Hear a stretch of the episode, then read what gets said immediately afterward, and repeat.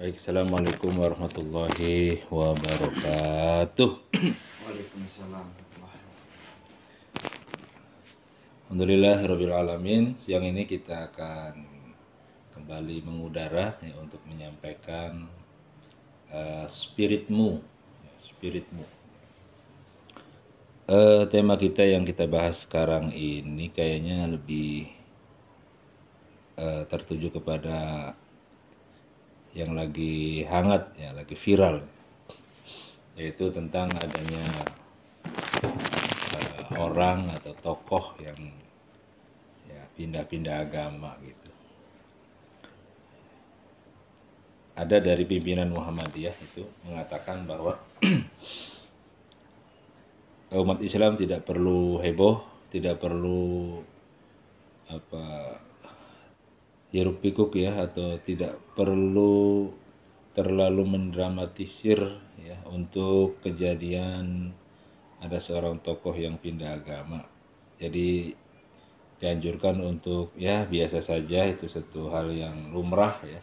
Apalagi kita hidup di negara yang menjamin kebebasan dalam beragama itu. Jadi tidak perlu adanya hujatan-hujatan atau tidak perlu adanya caci maki dan itu nggak boleh. Dan memang nggak boleh dalam Islam juga nggak boleh adanya kita mencaci maki agama lain. Termasuk mencaci maki orang yang mau pindah agama ya urusan urusan dia lah gitu. Nah, kenapa nggak boleh? Karena ada ayat ya ada ayat. Ayat yang melarang kita untuk mencaci maki agama orang lain di Quran itu di surat 6 ya, surat 6. Surat 6 ayatnya 108. Nah, ini kebetulan ada Ustadz Komar nih. Ya, silakan Ustadz Komar untuk membacakan surat 6 ayatnya 108 ya. Sekaligus nanti artinya. أعوذ بالله من الشيطان الرجيم. بسم الله الرحمن الرحيم.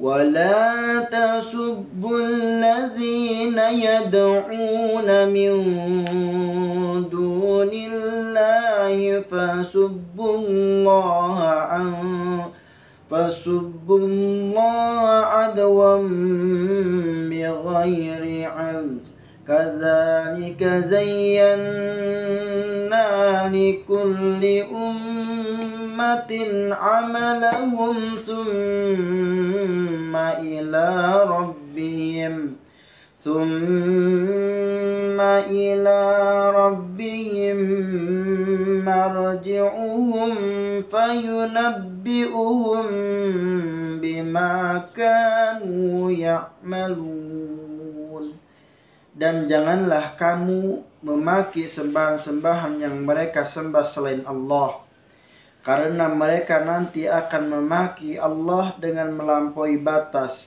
tanpa mengetahu pengetahuan demikianlah kami jadikan setiap umat menganggap baik ke pekerjaan mereka kemudian kepada Tuhan mereka lah kembali mereka lalu dia memberitakan kepada mereka apa yang dahulu mereka kerjakan sadaqallah Ya, jadi kalau kita lihat ayat ini cukup jelas ya.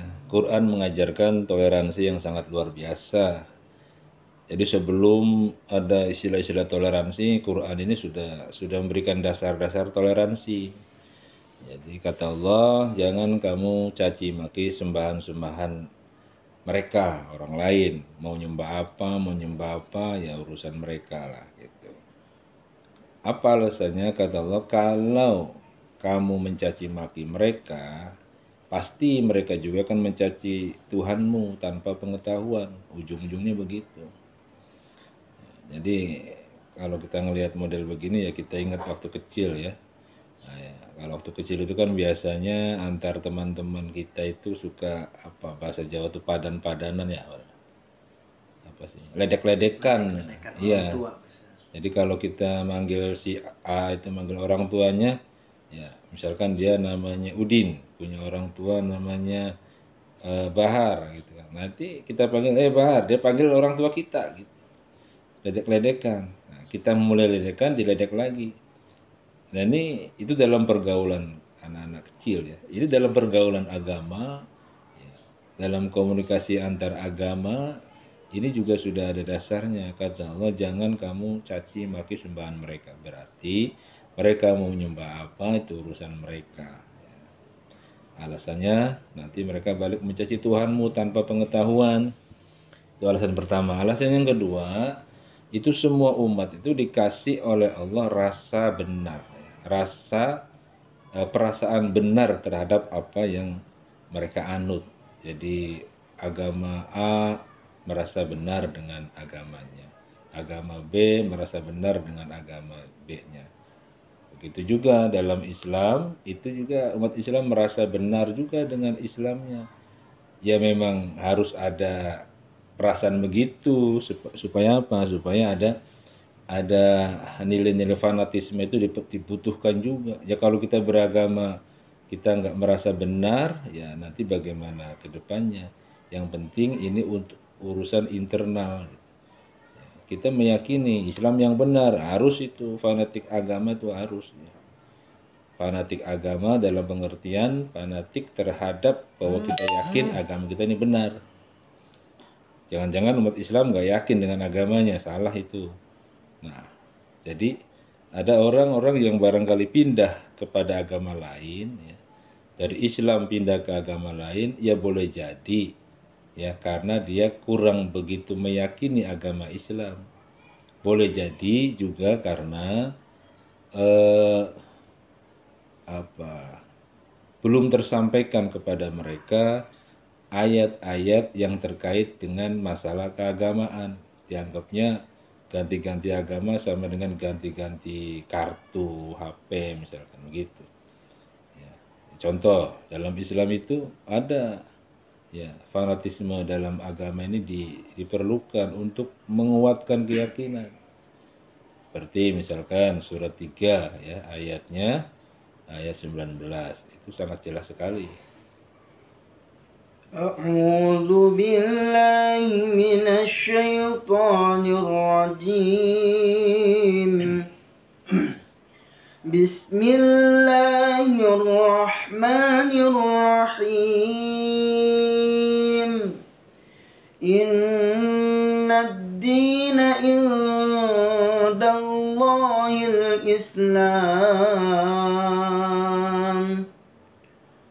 اختلف الذين أوتوا الكتاب إلا من بعد ما جاءهم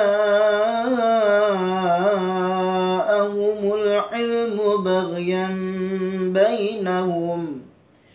ومن يكفر بآيات الله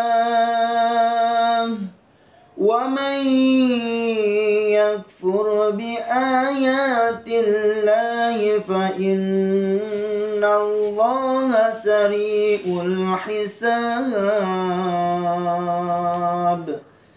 Sesungguhnya agama yang diridai di sisi Allah hanyalah Islam.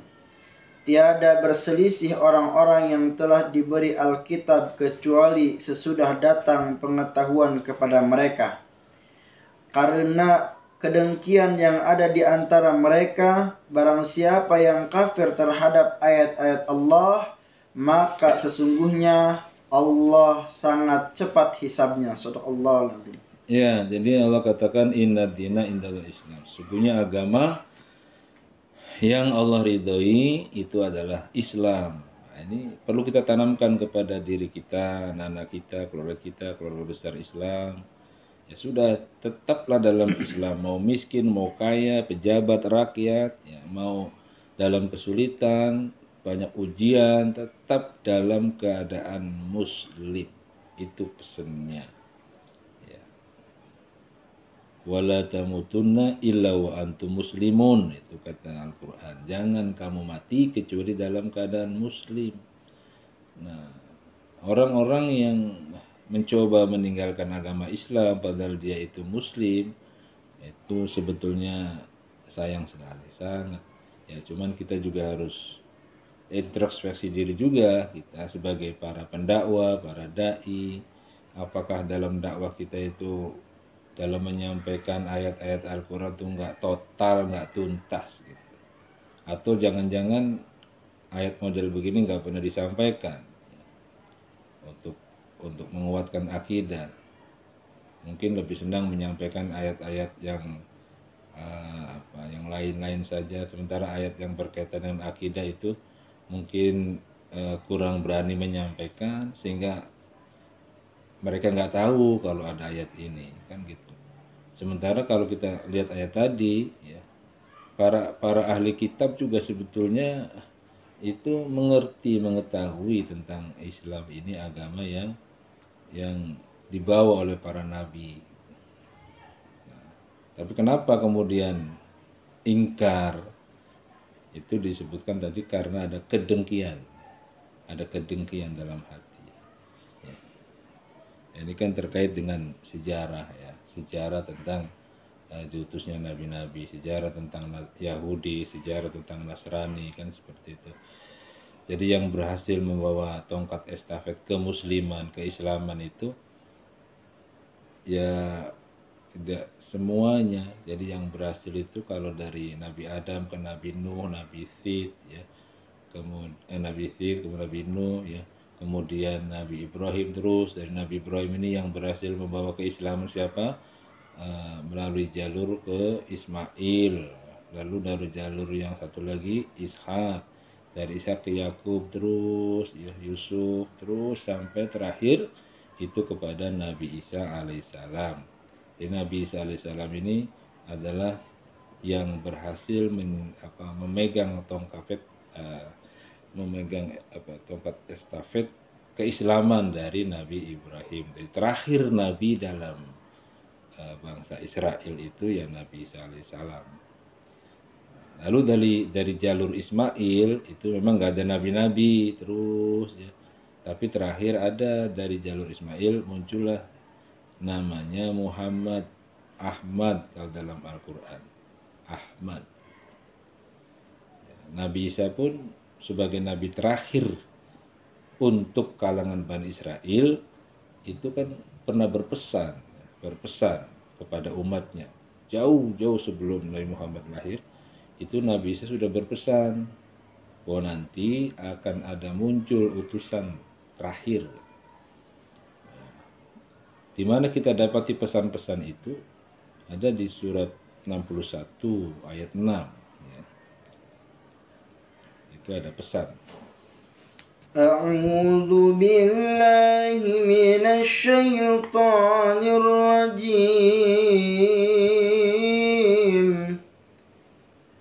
بسم الله الرحمن الرحيم. وإذ قال عيسى ابن مريم يا بني إسرائيل إني رسول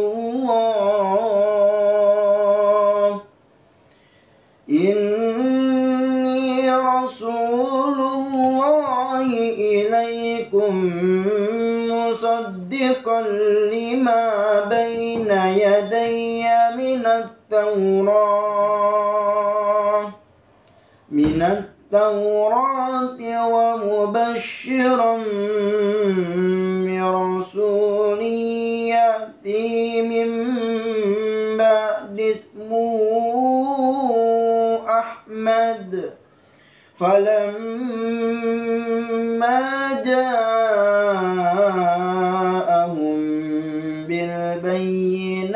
بالبينات قالوا هذا سحر مبين Dan ingatlah ketika Isa ibnu Maryam berkata, Hai Bani Israel, sesungguhnya aku adalah utusan Allah kepadamu, membenarkan kitab sebelumku, yaitu Taurat, dan memberi kabar gembira dengan datangnya seorang rasul yang akan datang sesudahku, yang namanya Ahmad Muhammad maka tatkala Rasul itu datang kepada mereka dengan membawa bukti-bukti yang nyata mereka berkata ini adalah sihir yang nyata sadaqallahu Ya, kita perhatikan Nabi Isa sendiri sudah mengatakan begitu. Ya, kata Nabi Isa, eh, nanti ada Nabi terakhir, namanya Ahmad. Gitu. Namanya Ahmad. Kok begitu lahir kok namanya Muhammad? Nah, gimana itu? Gitu. Jadi ada penjelasan begini, Ahmad itu artinya terpuji, tapi dalam satu sisi. Tapi kalau Muhammad itu terpuji dalam semua hal, semua sisinya terpuji. Nah, Nabi Muhammad ini itulah Ahmad. Yang Ahmadnya itu terpujinya itu dari semua sisinya. Ucapannya, perbuatannya, tingkah lakunya, karakternya, sikap-sikapnya, semua itu ada pada diri Nabi Muhammad keterpujian itu maka kumpulan dari pujian-pujian itu dinamakan Muhammad. Nah, gitu. Jadi kalau dia cuma satu sisi, misalkan uh, dari sisi ucapannya saja, ya bisa itu satu sisi itu Ahmad. Tapi kalau terkumpul semua puji-pujian, uh, semua uh, keunggulan pada diri satu pribadi itu, namanya Muhammad. Nah, maka waktu itu Abdul Muttalib ya mendapat ilham dari Allah untuk memberi nama Muhammad. Orang yang terpuji. Sehingga dalam Quran dikatakan laqad kana fi rasulillahi uswatun hasanah sungguh ada suri toladan yang baik pada diri Rasulullah SAW yaitu Nabi Muhammad. Nah seperti itu.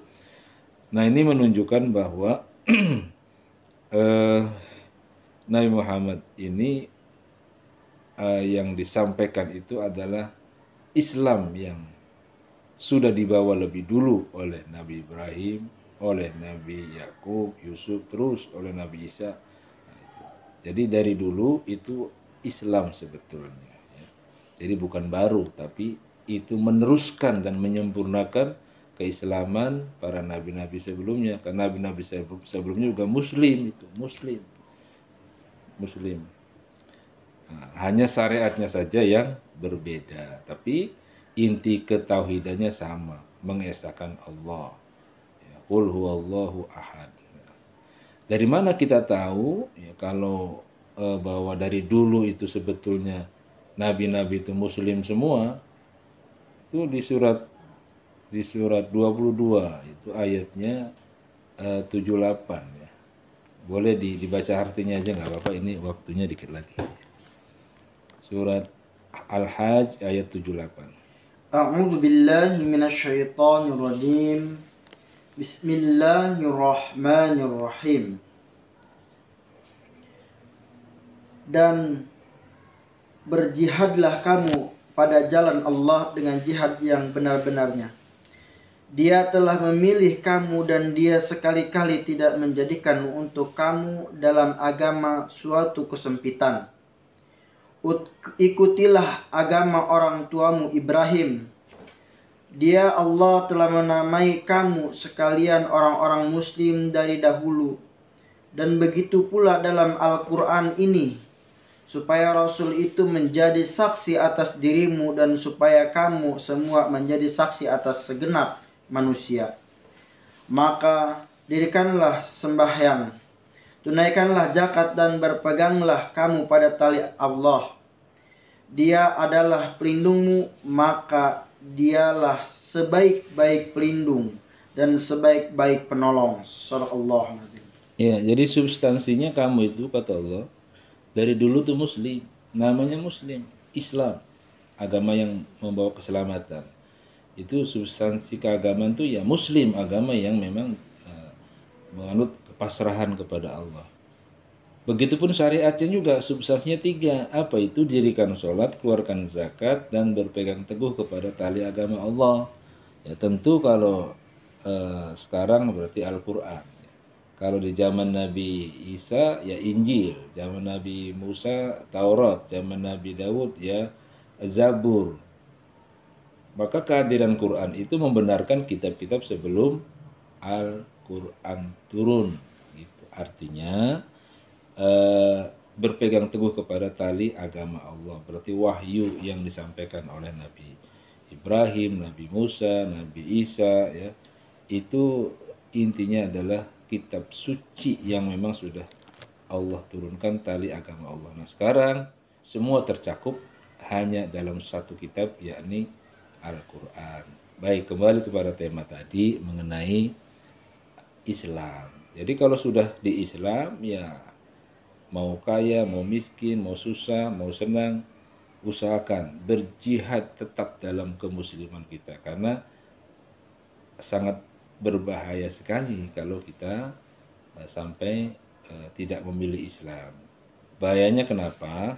Ya, bahayanya itu uh, seperti di surat 3 juga ayatnya 85 silakan dibaca sama ayatnya أعوذ بالله من الشيطان الرجيم. بسم الله الرحمن الرحيم. ومن يبتغ غير الإسلام دينا فلن يقبل منه وهو في الآخرة.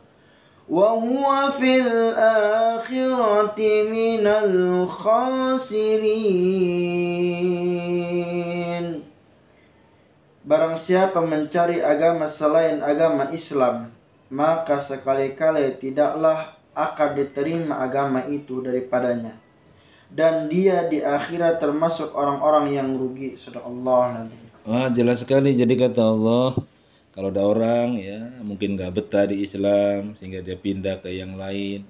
Itu jelas eh tadi Allah nggak terima nanti di akhirat dia rugi rugi.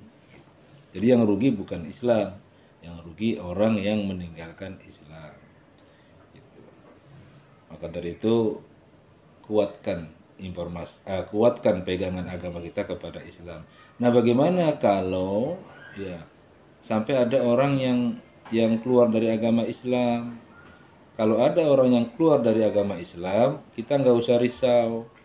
Ya kita nggak usah takut atau nanti merasa Islam jadi rugi. Enggak kenapa enggak ya karena ada ada ayat juga yang menguatkan itu. Ada ayat yang menguatkan Islam itu sendiri. Jadi yang yang rugi bukan kita bukan Islam tapi orang-orang yang meninggalkan Islam ayat terakhir ya, surat 5 ayat 54 أعوذ بالله من الشيطان الرجيم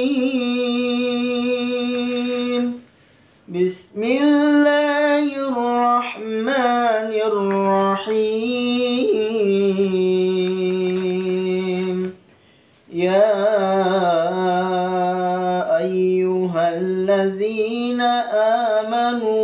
من يرتد منكم عن دينه فسوف يأتي الله بغير فس- فسوف يأتي الله بقوم يحبهم ويحبونه أذلة على المؤمنين. على المؤمنين أعزة على الكافرين. يجاهدون في سبيل الله ولا يخافون لومة لائم ذلك فضل الله يؤتيه من يشاء والله واسع عليم Hai orang-orang yang beriman Barang siapa di antara kamu yang murtad dari agamanya Maka kalau Allah akan mendatangkan suatu kaum yang Allah mencintai mereka dan mereka pun mencintainya. Yang bersikap lemah lembut terhadap orang-orang mukmin, yang bersikap keras terhadap orang-orang kafir, yang berjihad di jalan Allah dan yang tidak takut kepada celaan orang yang suka mencela. Itulah karunia Allah diberikannya kepada siapa yang dikehendakinya dan Allah maha luas pemberi pemberiannya lagi maha mengetahui sadaqallahu alazim Ya lengkap. Jadi dengan ayat ini kita tahu kata Allah barang siapa yang murtad dari agamanya. Jadi kalau ada orang meninggalkan Islam, ya satu orang meninggalkan Islam, Allah kirim satu kaum. Oh, hebat. Allah kirim satu kaum dan kaum yang dikirim itu maksudnya kaum yang nanti masuk ke dalam Islam itu orang-orang yang sangat militan. Iya, militan. Luar biasa. Dia Islamnya betul-betul kuat. Dia menebar kasih sayang kepada sesama muslim. Dia tegas terhadap kekafiran. Militan yang dia cintai itu adalah hanya agama Allah. Dan itu terbukti dalam kehidupan kita berbangsa, bernegara ya bahwa ketika ada orang yang meninggal, meninggalkan Islam itu malah justru berbondong-bondong orang lain masuk ke dalam Islam dengan sukarela. Bahkan andil mereka dalam uh, kiprah dakwah Islam sungguh luar biasa. Mereka menjadi mualaf sekaligus mereka juga me membawa saudara-saudaranya kawan-kawannya untuk bergabung dengan Islam. Nah ini merupakan satu apa uh, pengetahuan buat kita bahwa kita harus tetap berpegang kepada Al-Quran karena Al-Quran ini merupakan petunjuk segala sesuatu pasti ada di dalam Al-Quran ayat-ayatnya. Tidak ada satupun yang tidak tersentuh atau tidak terbahas di dalam Al-Quran. Mungkin kalau nggak detail paling tidak uh, substansinya sudah ada di dalam Al-Quran Nah, dengan kita mengetahui ayat-ayat tadi, mudah-mudahan ya di spiritmu ini, ya spiritmu ini satu podcast yang memang isinya untuk kembali memotivasi kita di dalam semangat keilmuan dan keagamaan. Nah, terima kasih sudah mendengarkan. Semoga Allah berkahi kita semuanya. Assalamualaikum warahmatullahi wabarakatuh. Waalaikumsalam.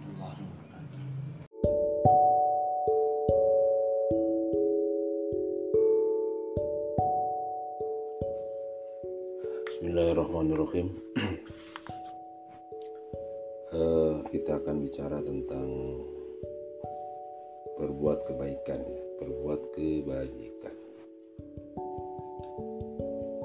Ada satu ayat yang Allah Subhanahu wa taala berfirman, A'udzubillahiminasyaitonirrajim. Sesungguhnya Allah itu beserta orang-orang yang bertakwa dan banyak berbuat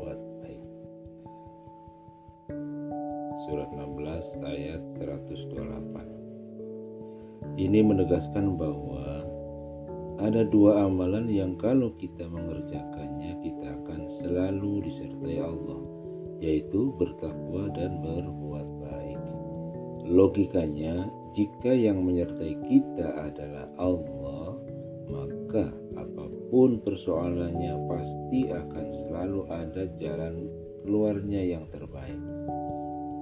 Yang berat yang jauh akan terasa dekat, yang sulit akan terasa mudah. Maka dari itu berbuat baiklah, karena Allah cinta kepada orang-orang yang berbuat baik. Allah yuhibbul muhsinin. Bahkan Allah tidak hanya cinta, tetapi juga membalas. Bukan hanya cinta, tapi membalas orang yang berbuat baik seperti Nabi Yusuf sejak kecil bersabar banyak cobaan berbuat baik terus terus maka begitu dewasa Allah berikan balasan dengan diberikan hikmah dan ilmu. Akan kita tahu ya Yusuf dalam sejarahnya itu uh, dikenal bisa menjelaskan mimpi-mimpi. Itu satu kelebihan itu mimpi-mimpi. Takwil sampai akhirnya karena uh, Nabi Yusuf berhasil memberikan takwil mimpi dan menjelaskan secara rasional ketika ada rajanya bermimpi ya, bermimpi tentang sapi ya, lalu diangkatlah Yusuf itu menjadi orang dekat raja ya. menjadi bendahara malah bendahara kerajaan itu pun eh, ketika raja mengatakan akan diangkat jadi orang yang dekat dengannya Yusuf itu mengusulkan jadikan aku bendahara gitu.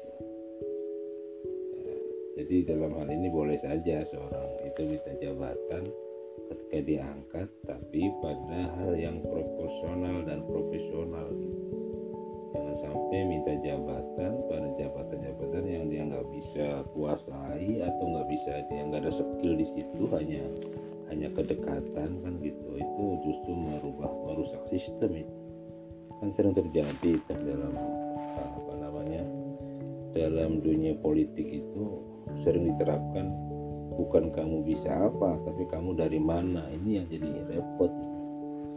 Dalam sebuah kementerian ya dalam sebuah kelembagaan itu kan sering begitu bukan bertanya kamu bisa apa tapi kamu dari golongan mana? Golongan A. Ya, kalau sesuai dengan golongan pimpinannya ayo masuk masuk. Nah, gitu. Jadi uh, pejabat ini pejabat itu. Sementara yang punya skill benar-benar skill nggak nggak dianggap.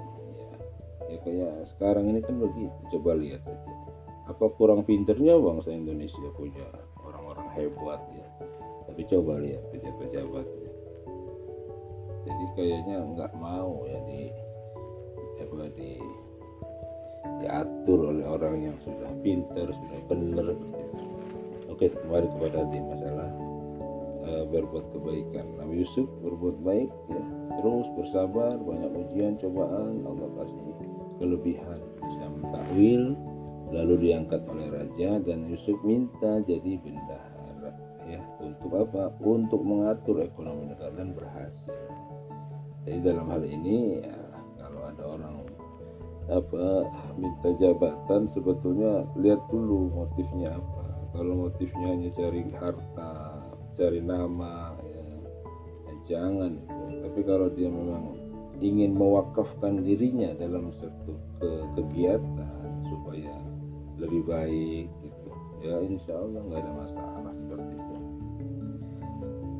kemudian uh, begitu juga Allah memberikan hikmah dan ilmu kepada Nabi Musa alaihissalam karena banyak berbuat baik.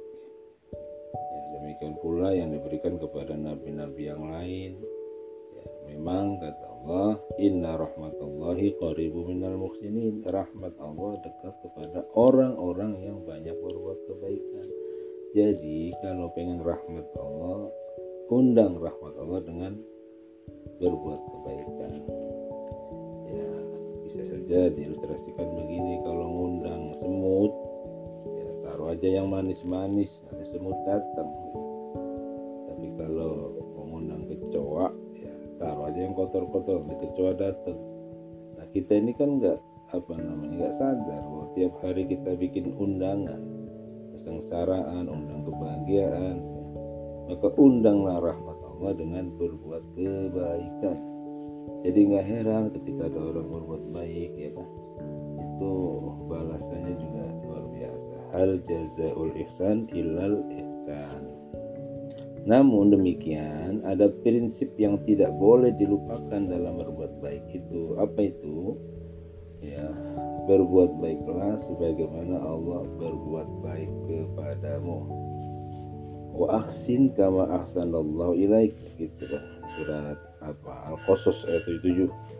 Berbuat baiklah sebagaimana Allah berbuat baik. Jadi siapa pun dia, agama apa pun dia, cobalah kita berusaha berbuat baik dan landasannya karena Allah insya Allah apa yang sering kita minta ya, Rabbana atina fid dunya hasanah wa fil akhirati hasanah hasana wa qina azabannar.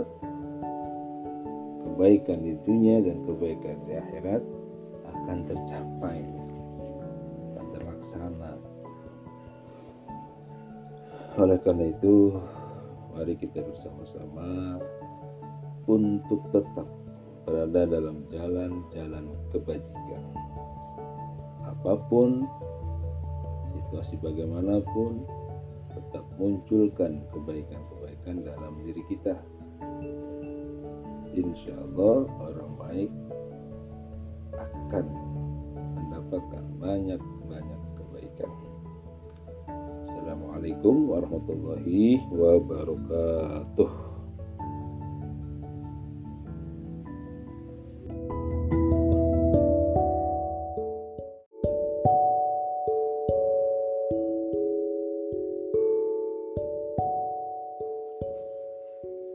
Bismillahirrahmanirrahim. uh, kita akan bicara tentang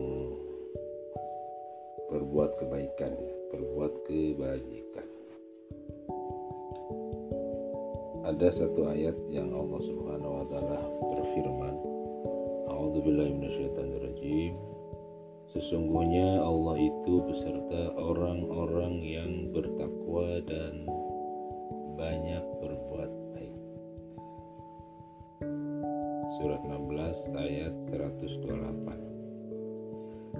menegaskan bahwa ada dua amalan yang kalau kita mengerjakannya kita akan selalu disertai Allah, yaitu bertakwa dan berbuat baik. Logikanya, jika yang menyertai kita adalah Allah, maka apa pun persoalannya pasti akan selalu ada jalan keluarnya yang terbaik. Yang berat akan terasa ringan, yang jauh akan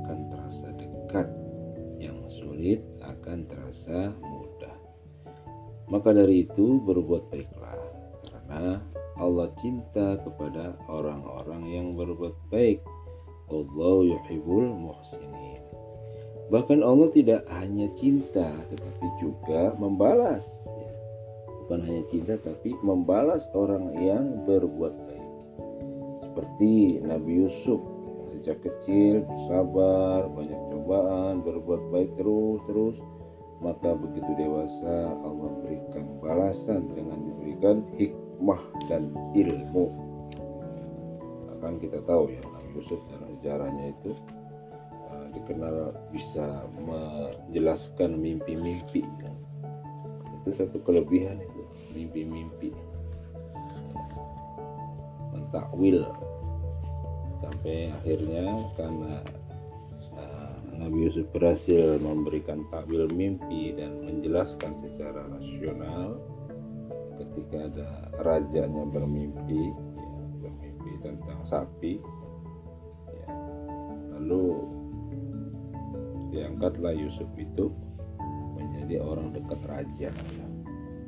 menjadi bendahara malah kerajaan itu pun eh, ketika raja mengatakan akan diangkat jadi orang yang dekat dengannya Yusuf itu mengusulkan jadikan aku bendahara. Itu ya, jadi dalam hal ini boleh saja seorang itu minta jabatan ketika diangkat tapi pada hal yang proporsional dan profesional. Gitu jangan sampai minta jabatan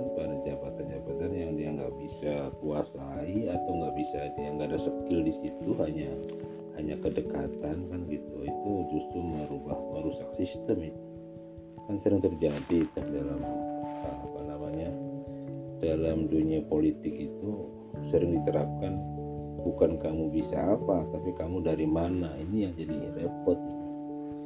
Dalam sebuah kementerian ya dalam sebuah kelembagaan itu kan sering begitu bukan bertanya kamu bisa apa tapi kamu dari golongan mana? Golongan A.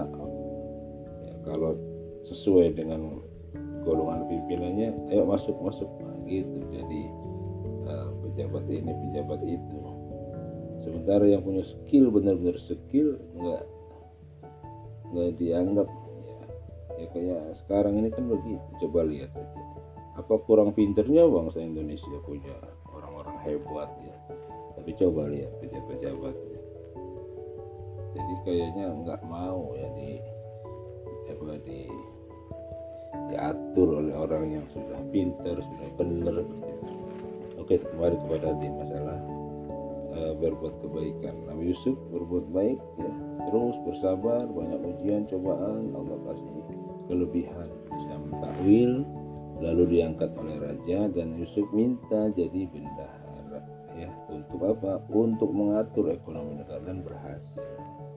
Jadi dalam hal ini ya, kalau ada orang apa minta jabatan sebetulnya lihat dulu motifnya apa. Kalau motifnya hanya cari harta cari nama ya, ya jangan tapi kalau dia memang ingin mewakafkan dirinya dalam satu ke kegiatan supaya lebih baik gitu ya insya Allah nggak ada masalah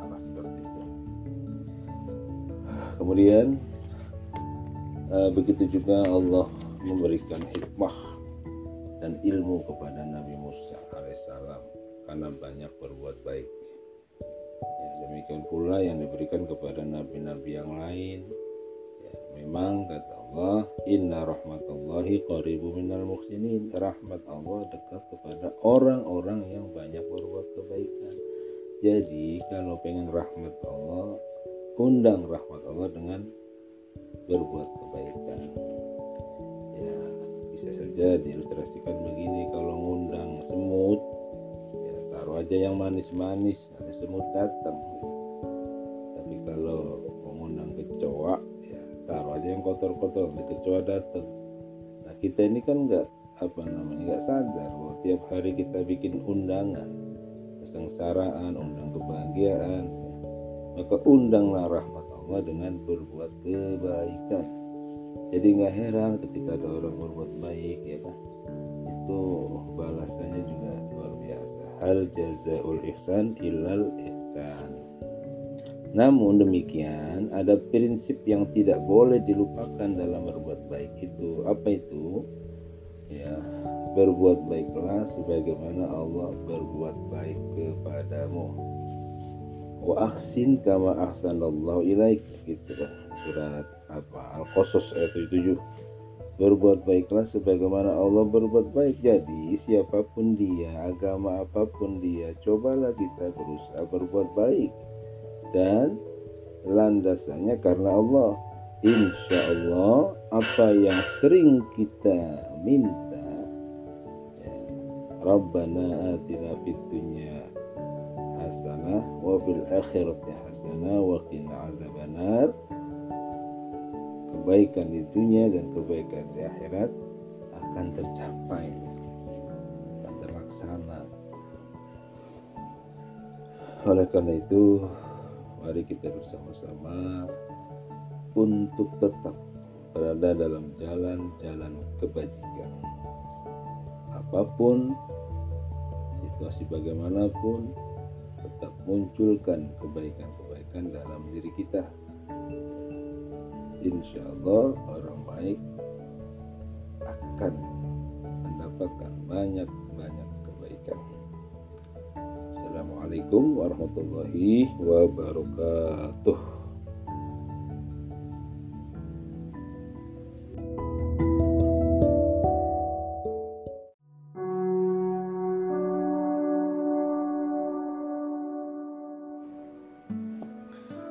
Assalamualaikum warahmatullahi wabarakatuh. Sahabat berbakat uh, Siang ini kita akan coba untuk Membahas satu hal tentang uh, Faktor kegaiban Sebagai penyemangat dalam kehidupan kita sehari-hari.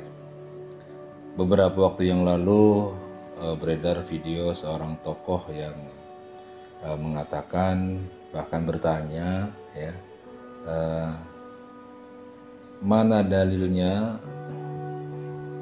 di Quran kalau Allah tuh ada? Begitu kira-kira. Dan itu viral videonya ya. Ada yang memanfaatkan sebagai ajang untuk mendiskreditkan sang tokoh. Ada juga yang memang mengambil ibrah pelajaran dari apa yang disampaikan oleh sang tokoh dalam video yang berdurasi tidak dipotong. Oke, kami tidak akan menyampaikan atau mengomentari masalah itu. Yang yang jelas uh, kali ini saya akan menyampaikan bahwa yang ada itu ya ada, yang tidak ada itu ya tidak ada, gitu kira-kira. Jadi yang ada ya ada, yang tidak ada ya tidak ada. Gitu. Dalam hitungan uh, kita suka berhitung kan dari itu mundur misalkan 5, 4, 3, 2, 1 habis satu apa? 0 0 itu ada enggak? 0 ya kosong, tapi kosong tuh ada enggak? Ya ada. Apa? Ya kosong. Jadi yang kosong tuh ada, yang ada itu bisa kosong gitu. Jadi yang yang kosong saja dilambangkan dengan nol berarti kan ada. Yang kosong tuh ada. Yang kosong yang kosong saja ada, apalagi yang ada. Nah, gitu kira-kira. Nah, ini filsafat eksistensialisme itu menghendaki kita untuk eh, merenungkan kembali bahwa uh, akal pikiran kita itu akan menerima gitu bahwa keberadaan manusia, keberadaan makhluk hidup ini adalah keberadaan yang bersifat nisbi. Keberadaan karena ada sesuatu yang ada. Tanpa ada sesuatu yang ada, kita nggak akan berada. Ya, tidak akan berada. Uh, sering dicontohkan oleh seorang pakar dalam menjelaskan masalah uh, hubungan ya, keberadaan manusia ya, di samping keberadaan Tuhan itu digambarkan seperti sebuah meja kalau kita lihat meja ya yang di depan kita, itu di bawah meja itu ada namanya kolong. Bahasa Jawa longan. Ada kolong. Nah, kolong itu ada. Kenapa ada kolong? Ternyata kolong itu ada karena di situ ada meja. Coba meja itu kita angkat. Kolongnya ke mana? Kolongnya nggak ada ya. Jadi keberadaan kolong itu ada karena adanya meja. Ini dalam kesemestaan alam jagat raya ini keberadaan makhluk hidup karena ada sesuatu yang ada yang wujud yaitu Tuhan yang maha ada. Ya. jadi keberadaannya itu sudah satu keniscayaan kalau ada orang tidak percaya dengan keberadaan Tuhan, itu juga satu kebohongan. Kenapa? Kenapa kalau memang tidak ada itu dibicarakan? Dia membicarakan sesuatu berarti kan ada. Ada ya sesuatu yang dibicarakan. Kan gitu. Nah, oleh karena itu dalam hal ini agama memberikan satu bimbingan kepada umat manusia agar dalam mengeksploitasi akal pikirannya tidak mengalami salah jalan. Ya, maka dalam Al-Quran, faktor yang gaib itu menjadi faktor keimanan di awal. Ya, salah satu ciri orang yang bertakwa ya, atau orang yang beriman benar-benar itu adalah uh, dia percaya kepada sesuatu yang gaib. Ya, uh, di Al-Baqarah ayat uh, eh, 3 itu kan dijelaskan yaitu orang-orang yang beriman kepada yang gaib yang melaksanakan sholat dan menafkahkan sebagian rizki yang kami berikan. Iman kepada yang gaib menjadi syarat fundamental dalam Islam. Keimanan berarti percaya seyakin-yakinnya, hakul yakin, bahwa ada entitas di luar dunia indrawi. Entitas ini adalah sesuatu yang nyata, bukan sekedar ajaran filosofis. Memang itu nyata, bukan sekedar ajaran filosofis ya atau yang abstrak ataupun perumpamaan saja majas. Nah, Tuhan bukanlah ajaran filosofis yang muncul dari renungan orang-orang yang kalah atau orang yang teraleniasi. Menghadapi realitas kehidupan sebagaimana dituduhkan kaum ateis. Ya, orang ateis menuduh orang yang bertuhan itu karena kalah dalam kehidupan sehingga dia mencari sesuatu yang di luar dirinya seperti itu. Surga dan neraka bukanlah sekedar ajaran penghibur dan alat untuk menakut-nakuti seseorang agar dia takut berbuat semena-mena. Ya, tapi semuanya benar-benar adalah al-haq. Dengan kata lain, orang mukmin wajib meyakini bahwa ada realitas yang tak terjangkau oleh kemampuan manusia. Ada entitas non logis di luar daya visual, ya, kuah another atau daya pikir, kuah al-fikr. Ajaran inilah yang membedakan Islam dengan materialisme angin modernisme yang datang dari barat atau westernisasi ya nampaknya ingin menggusur akidah Islam, pengen digeser dengan keberadaan materialisme. Tapi yang nggak bisa, kenapa? Ya, kepercayaan kepada yang gaib itu akan menepis semua itu. Ya, mereka terlalu mengedepankan nilai-nilai rasionalis empiris. Ya, sementara dimensi non materi mereka abaikan padahal uh, sesungguhnya itulah yang sebenarnya ada. Orang yang percaya kepada sesuatu yang gaib dikatakan oleh orang-orang modern sebagai orang yang tidak modern. Nah, gitu. Dalam Quran kelompok-kelompok yang semacam ini disebut dengan ahlud dahr ya. Ahlud dahr ya. Artinya mereka itu orang yang punya prinsip dalam kehidupannya ya bahwa hidup dan mati ini bukan karena ada sesuatu yang lain tapi karena persoalan waktu saja. Dalam surat Al-Jasiyat ayat 24 dikatakan dan mereka berkata kehidupan ini tidak lain hanyalah kehidupan di dunia saja. Kita mati, kita hidup, tidak ada yang membinasakan selain masa. Jadi karena waktu saja pada akhirnya akan berakhir kata mereka orang yang ahlu dahr atau materialis ya orang materialisme. Nah kelompok ini kelompok ad-dahr ini atau ahlu dahr ini itu hanya mempercayai kehidupan materi saja. Mereka percaya hanya hukum alamlah yang menyebabkan semuanya hancur. Tak ada kuasa di balik semua yang real. Keadaan dunia ini tak ada kaitannya dengan dimensi gaib termasuk Tuhan mereka nggak percaya. Nah, keimanan seseorang mukmin pada yang gaib akan menjadi cara pandang yang membedakannya dengan orang materialis. Di sinilah yang membedakan orang mukmin dengan orang yang bukan mukmin. Kalau orang mukmin memang menyadarkan kepercayaannya kepada yang gaib, bukan yang terlihat saja. Keimanan ini menjadi kontrol sehingga akan senantiasa berbuat jujur di mana pun berada. Manusia-manusia yang jujur hanya akan muncul ketika menjadikan dimensi spiritual, dimensi non material atau iman kepada yang gaib menjadi uh, menjadi yang diyakini akan mengawasi gerak hidupnya. Pada dasarnya manusia itu makhluk yang egois, memang ambisius, penuh motif.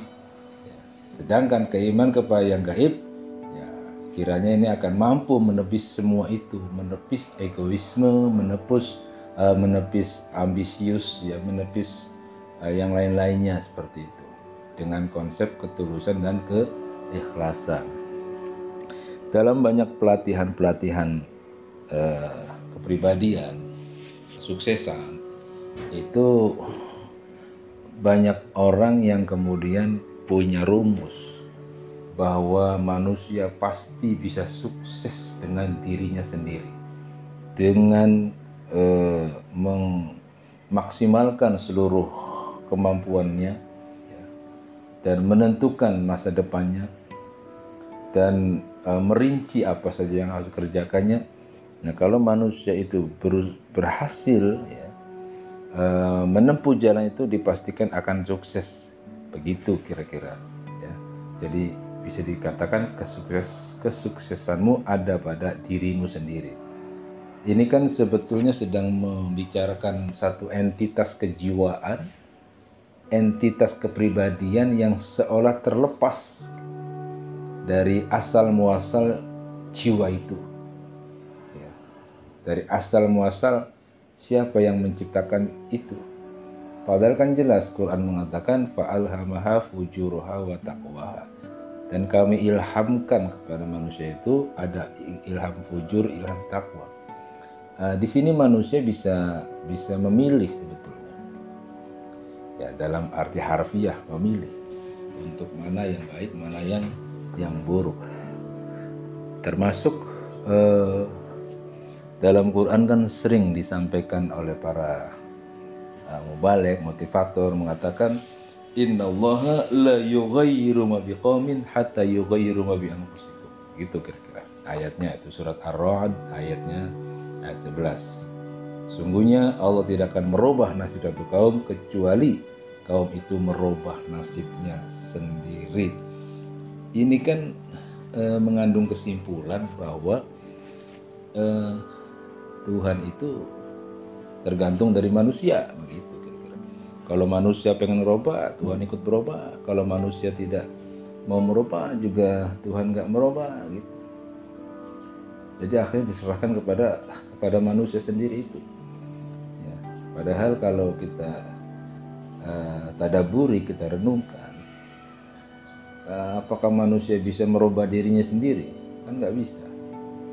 Apakah dengan sekejap manusia bisa merubah dari miskin jadi kaya? Dari rakyat jadi langsung jadi pejabat? Kan bisa. Ada proses, ada kausalita, ada hukum alam, ada ada banyak hal yang yang harus uh, dia uh, melewati itu dan itu semua kadang di luar di luar kesadaran manusia itu sendiri. Kita bisa begini, dia bisa begitu, ya. Itu ada ada yang mengatur, ada yang membimbing ada yang memberi petunjuk seperti itu.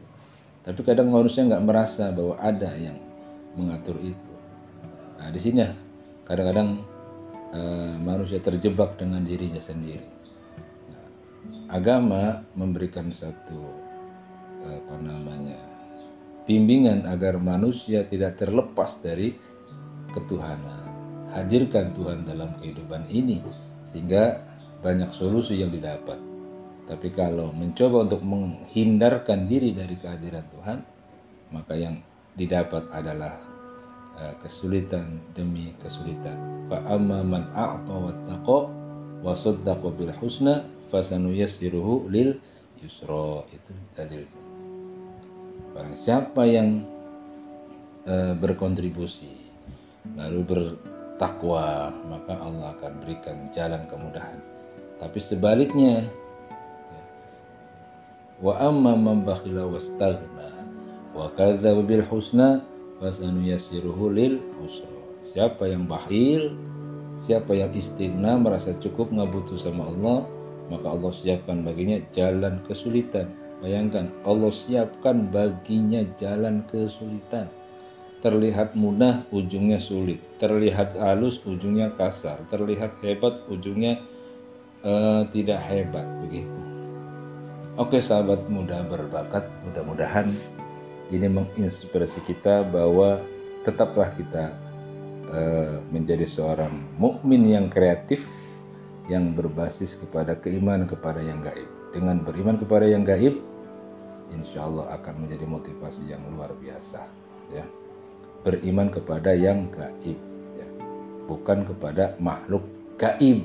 Gitu itu kalau makhluk gaib ya jin iblis malaikat itu memang iya makhluk gaib makhluk ciptaan Allah tapi bukan berarti ke situ yang penting yang benar adalah beriman kepada yang gaib ya yaitu Allah Subhanahu wa taala Terima kasih. Assalamualaikum warahmatullahi wabarakatuh. Assalamualaikum warahmatullahi wabarakatuh. Eh, sahabat-sahabat di mana pun anda berada semoga Allah berkahi kita semoga Allah mudahkan urusan kita semoga Allah berikan kemudahan rezeki kita para kita sakinah wala rahmah. Semoga anak-anak kita menjadi anak yang soleh dan suleha uh, pada kali ini saya akan menyampaikan mengenai uh, soal rindu akhirat rindu akhirat eh, dalam kehidupan kita sehari-hari kita sering menyaksikan betapa manusia itu sangat bahagia, tentram, senang uh, dengan berbagai, berbagai macam kenikmatan dunia gitu. Kemudian di sisi yang lain kita melihat kadang-kadang orang yang rajin ibadah, ya rajin uh, ke masjid, ya rajin puasa, ya pokoknya dia orang yang baik-baik lah misalkan. Tapi dalam kehidupannya terlihat ada kesulitan-kesulitan. Dalam sehari-harinya kadang kekurangan seperti itu. Itu satu fenomena yang sering kita saksikan dalam kehidupan kita sehari-hari. Sebetulnya bagaimana sih ya? Sebetulnya masalah itu dalam pandangan Al-Quran itu bagaimana? Melihat uh, kondisi uh, manusia ada yang ya dalam agama dia nggak begitu taat bahkan mungkin jauh dari agama tapi urusan-urusan kehidupan dunianya itu ya terlihat ya cukup mewah sebagainya. Baik pada kali ini ada ayat yang cukup memberikan jawaban untuk masalah ini ya. Yaitu di surat eh, uh, 10 ayat 7 A'udzu billahi minasyaitonir rajim Bismillahirrahmanirrahim. Innalladzina la yarjuna liqa'ana waradu bil hayatid dunya.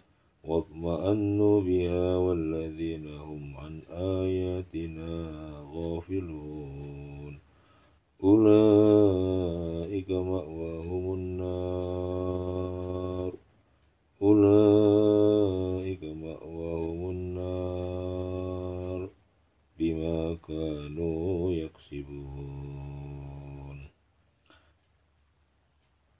Sesungguhnya orang-orang yang tidak mengharapkan, tidak percaya untuk pertemuan dengan kami dan merasa puas dengan kehidupan dunia serta merasa tentram dengan kehidupan itu dan orang-orang yang melalaikan ayat-ayat kami mereka itu tempatnya ialah neraka. Disebabkan apa yang selalu mereka kerjakan. Saudara-saudaraku di sini dikatakan orang yang la yarjuna liqa'ana orang yang tidak merindukan pertemuan dengan kami pertemuan dengan Allah. Jadi mereka di lahirkan ke dunia betah dengan keduniaan tentram dengan keduniaan sehingga mereka tidak tidak ingin pulang tidak ingin rindu, tidak ingin tidak rindu kepada Allah. Ya orang yang la yarjuna liqa'ana tidak rindu kepada kami kata Allah. Nah apa cirinya mereka nggak rindu? Mereka itu kata Allah uh, waradu bil hayati dunia. Dia rela dia uh, apa, merasa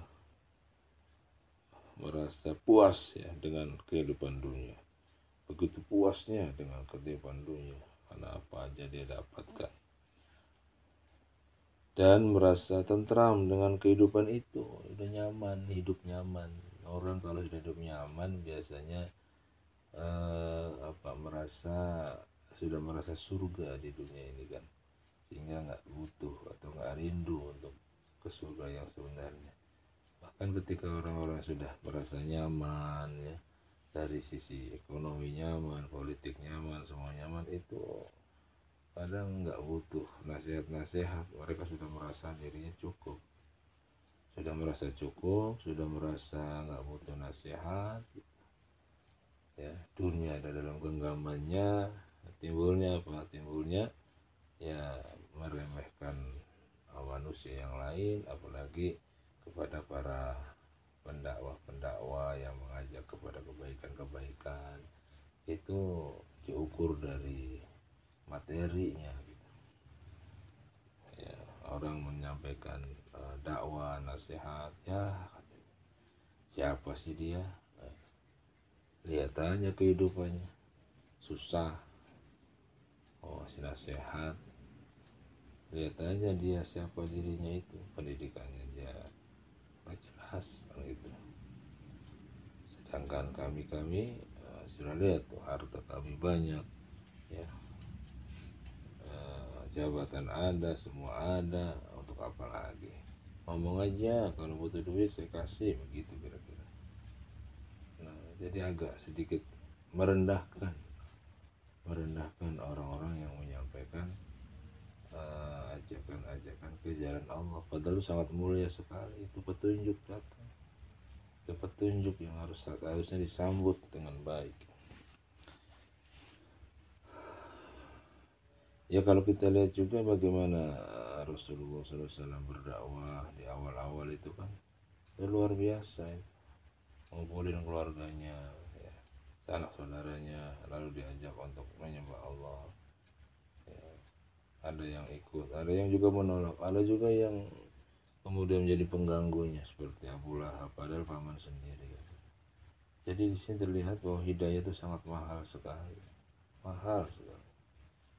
Nah, ada pun kembali kepada tadi orang yang tentram dalam kehidupan dunia puas dengan kehidupan dunia itu biasanya cenderung kepada apalagi dia melalaikan ayat-ayat kami kata Allah. Melalaikan ayat-ayat kami. Ya, ayat tentang uh, infak sedekah dia lalaikan padahal itu satu kalau keharusan. Ayat tentang menyayangi doa afa dia lalai. Ayat tentang kewajiban sholat dia lalai. Walaupun muslim iya agamanya Islam tapi uh, karena sudah mendapatkan banyak banyak keuntungan di dunia ini sehingga mereka lalai dengan ayat-ayat kami begitu kata Allah Nah kalau sudah demikian adanya bagaimana dong kehidupan selanjutnya? Ya, Waduh kalau dia nggak hati-hati lalu ajal tiba ya kematian datang sementara taubat belum ya maka harta bendanya nggak bermanfaat apa pun. Bagi dirinya nggak ada manfaat nggak nilai apa-apa. Ya bahkan kalau kita lihat di surat yang lain misalkan di apa? Di surat uh, ya. Ayatnya 91 itu kan luar biasa itu. Luar biasa surat 3 ayatnya 91 ya.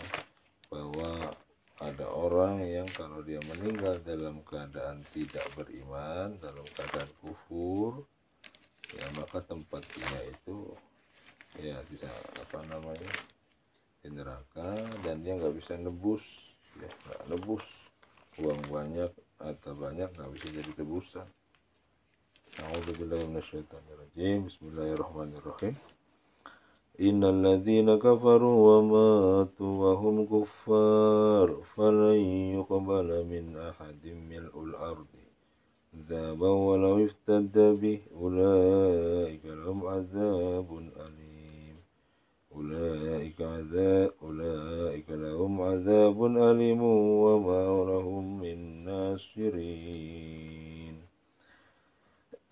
Innalladzina sesungguhnya orang-orang yang kafaru dia ingkar dia kafir wa matu dan mati wahum kufar masih kafir fala yuqbala min ahadihim mil'ul ardi dhahaba wa la ya nggak akan diterima dari salah seorang mereka itu tebusan ya emas ya, walaupun sepenuh sepenuh bumi. Tidak diterima walaupun sepenuh bumi maksudnya. Walaupun dia menebus dirinya dengan emas yang banyak itu dia nggak Allah nggak terima. Ya, bagi mereka itulah siksa yang pedih dan sesungguhnya dan sekali-kali mereka tidak memperoleh penolong. Aduh, gawat sekali. Di dunia sudah merasakan surga dunia. Tapi karena kehidupan gak berhenti di dunia, ada kehidupan setelah dunia, ya, ini hati-hati ketika di dunia sudah merasakan surga kenikmatan dunia lalu dia nggak rindu akhirat dia nggak rindu akan pertemuan dengan Allah cenderung melalaikan ayat-ayat Allah. Ya maka orang semacam ini kalau dia meninggal ya, meninggal dan belum tobat ya, semua hartanya nggak bisa jadi tebusan. Nggak bisa nolong ya nggak bisa nolong nggak bisa apa-apain. Sementara nah, malaikat itu malaikat ditugasin oleh Allah untuk untuk apa, e, mencabut nyawanya dan nggak peduli. Kalau sudah ajal tiba gitu. Apalagi sudah ajal tiba nggak ada persiapan apa-apa ya ngandelin harta. Dan itu yang terjadi orang itu ngandelin harta benda. Ya kalau kita lihat kasus-kasus ya. Itu kalau orang yang kaya orang yang penguasa pejabat gitu kan. Meskipun dia punya masalah hukum yang berat-berat dia sudah hitung dia bisa bisa takar itu. Dia bisa dihargai itu berapa kasus ini seperti itu. Jual beli hukum jual beli kasus dan dia sanggup. Sehingga bisa jadi orang yang yang apa bersalah ya. Tidak dihukum tapi justru yang uh, orang yang yang bersalah tidak dihukum ya. Sedangkan orang yang tidak bersalah justru dihukum. Ini bisa terjadi terjadi. Ya, karena orang yang kaya bisa beli hukum bisa beli pengacara bisa beli jaksa bisa beli hakim ya enggak? Sehingga kasusnya bisa bebas walaupun dia sebetulnya betul-betul melakukan suatu kejahatan mungkin di dunia bisa begitu ya karena relasi banyak uang banyak ya. Kan. nama ada nah, orang yang kecil-kecil kalau berurusan dengan dia udah pasti kalah ya. ya seperti itu nah kalau itu kemudian belum juga membawa kepada uh, kesadaran bahwa ada hidup setelah dunia ini repot urusannya ya ada dialog dalam Quran diungkapkan oleh Allah di surat Al-Mudassir ya. jadi ceritanya sudah sudah selesai yang penduduk surga nempatin surga lalu penduduk neraka nempatin di neraka ya. masing-masing telah memperoleh apa yang telah dijanjikan oleh Allah. Yang baik dijanjikan surga, yang buruk dijanjikan neraka dan mereka sudah memperolehnya. Nah, ketika ahli surga berada di taman-taman dengan teman-temannya ngobrol, ya kan? Lalu ada ada topik pembicaraan mereka, ya. ya Allah katakan, "A'udzubillahi minasyaitonirrajim." Bismillahirrahmanirrahim. Kullu nafsin bima kasabat rohina illa ashabal yamin. Allah katakan uh, setiap orang bertanggung jawab terhadap apa yang dia kerjakan. Jadi dosa kita, dosa kita, dosa dia, dosa dia gitu nggak bisa dosa kita kemudian dilemparkan ke orang lain atau orang lain nitip ke kita dosa dia nggak bisa kulu nafsim bima kasabat rohina. Ya, setiap jiwa tergadai ya, atau setiap jiwa itu eh, bertanggung jawab atas apa yang dilakukan. Kecuali Ashabul Yamin golongan kanan dia sudah sukses tuh golongan kanan. ya, sukses hidup menjalani kehidupan dunia dengan baik dengan sukses nggak terpengaruh nggak tergoda semua makannya halal hubungan hubungannya dengan orang manusia juga halal semuanya. Nah, itu golongan yang yang ashabul yamin. Kalau golongan ini nggak usah ditanya lagi dia surga tapi ada yang satu lagi ya. Nah dalam uh, percakapan di surga antar surga itu mereka uh, saling ya bertanya ya bahkan juga mereka uh, punya semacam uh, apa ya punya pertanyaan ya, ya. jadi kan mereka duduk-duduk di di taman-taman surga lalu ngobrol dengan teman-temannya eh si Anu ke mana si itu di mana gitu. Ternyata ya teman-temannya yang memang di, di dunia ahli dunia itu temannya yang di ahli dunia itu yang kaya punya jabatan tinggi ya. pokoknya anak punya banyak tapi karena dia nggak ibadah kan akhirnya dia berada dalam neraka nah, sehingga penduduk surga ini kan topiknya apa? Topiknya anil mujrimin tentang orang-orang yang berdosa. Nah, lalu Allah kasih izin silahkan bertanya tuh orang yang berdosa sudah di neraka semua. Lalu bertanya masalah fi saqar?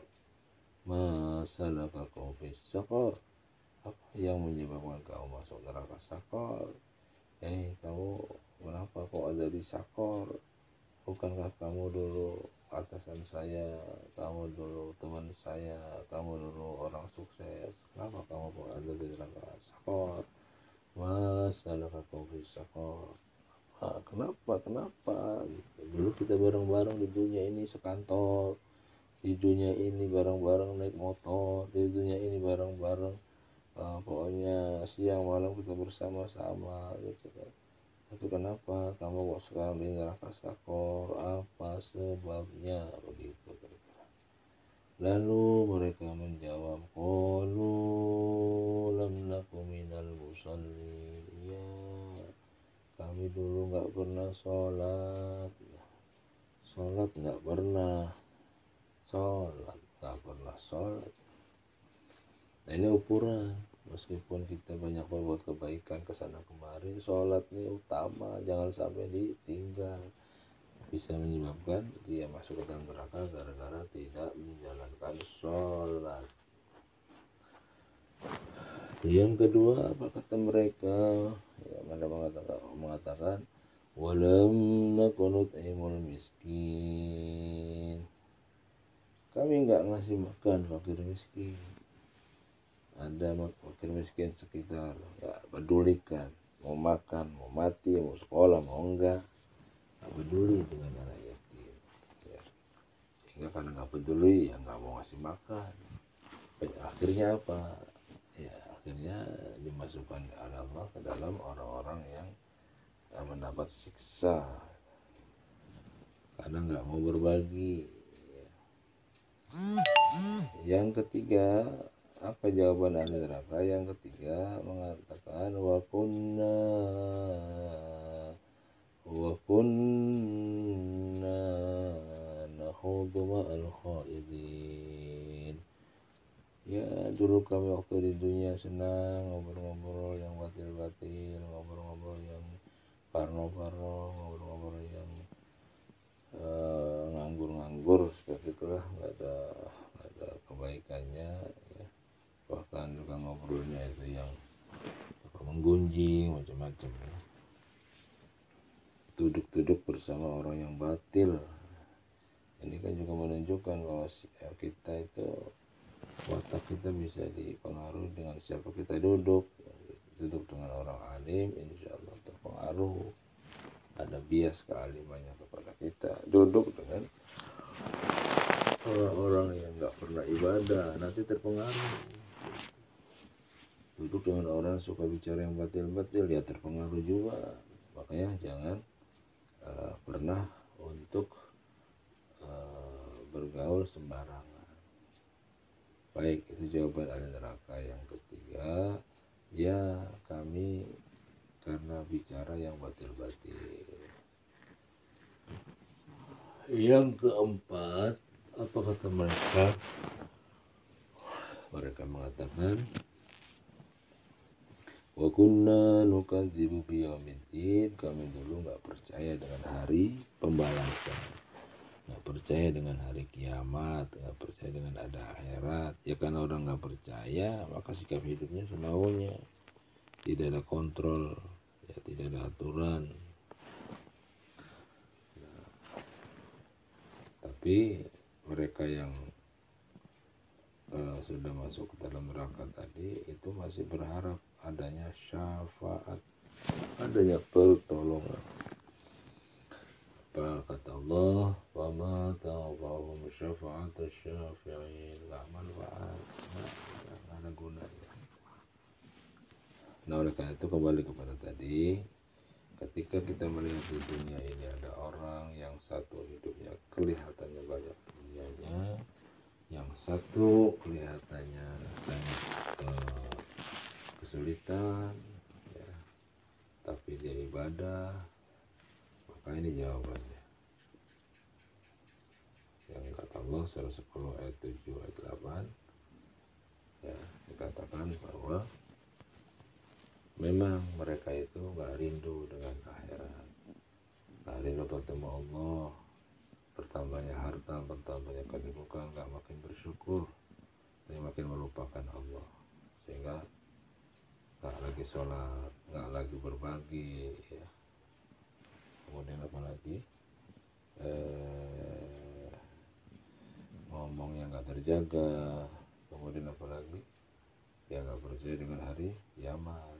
Timbullah ateisme materialisme ya. Hidup mati hanya alam yang menentukan ya mudah-mudahan kita semua termasuk orang-orang yang yang rindu akan akhirat sehingga kita terus membekali diri dengan iman dan amal soleh. Assalamualaikum warahmatullahi wabarakatuh.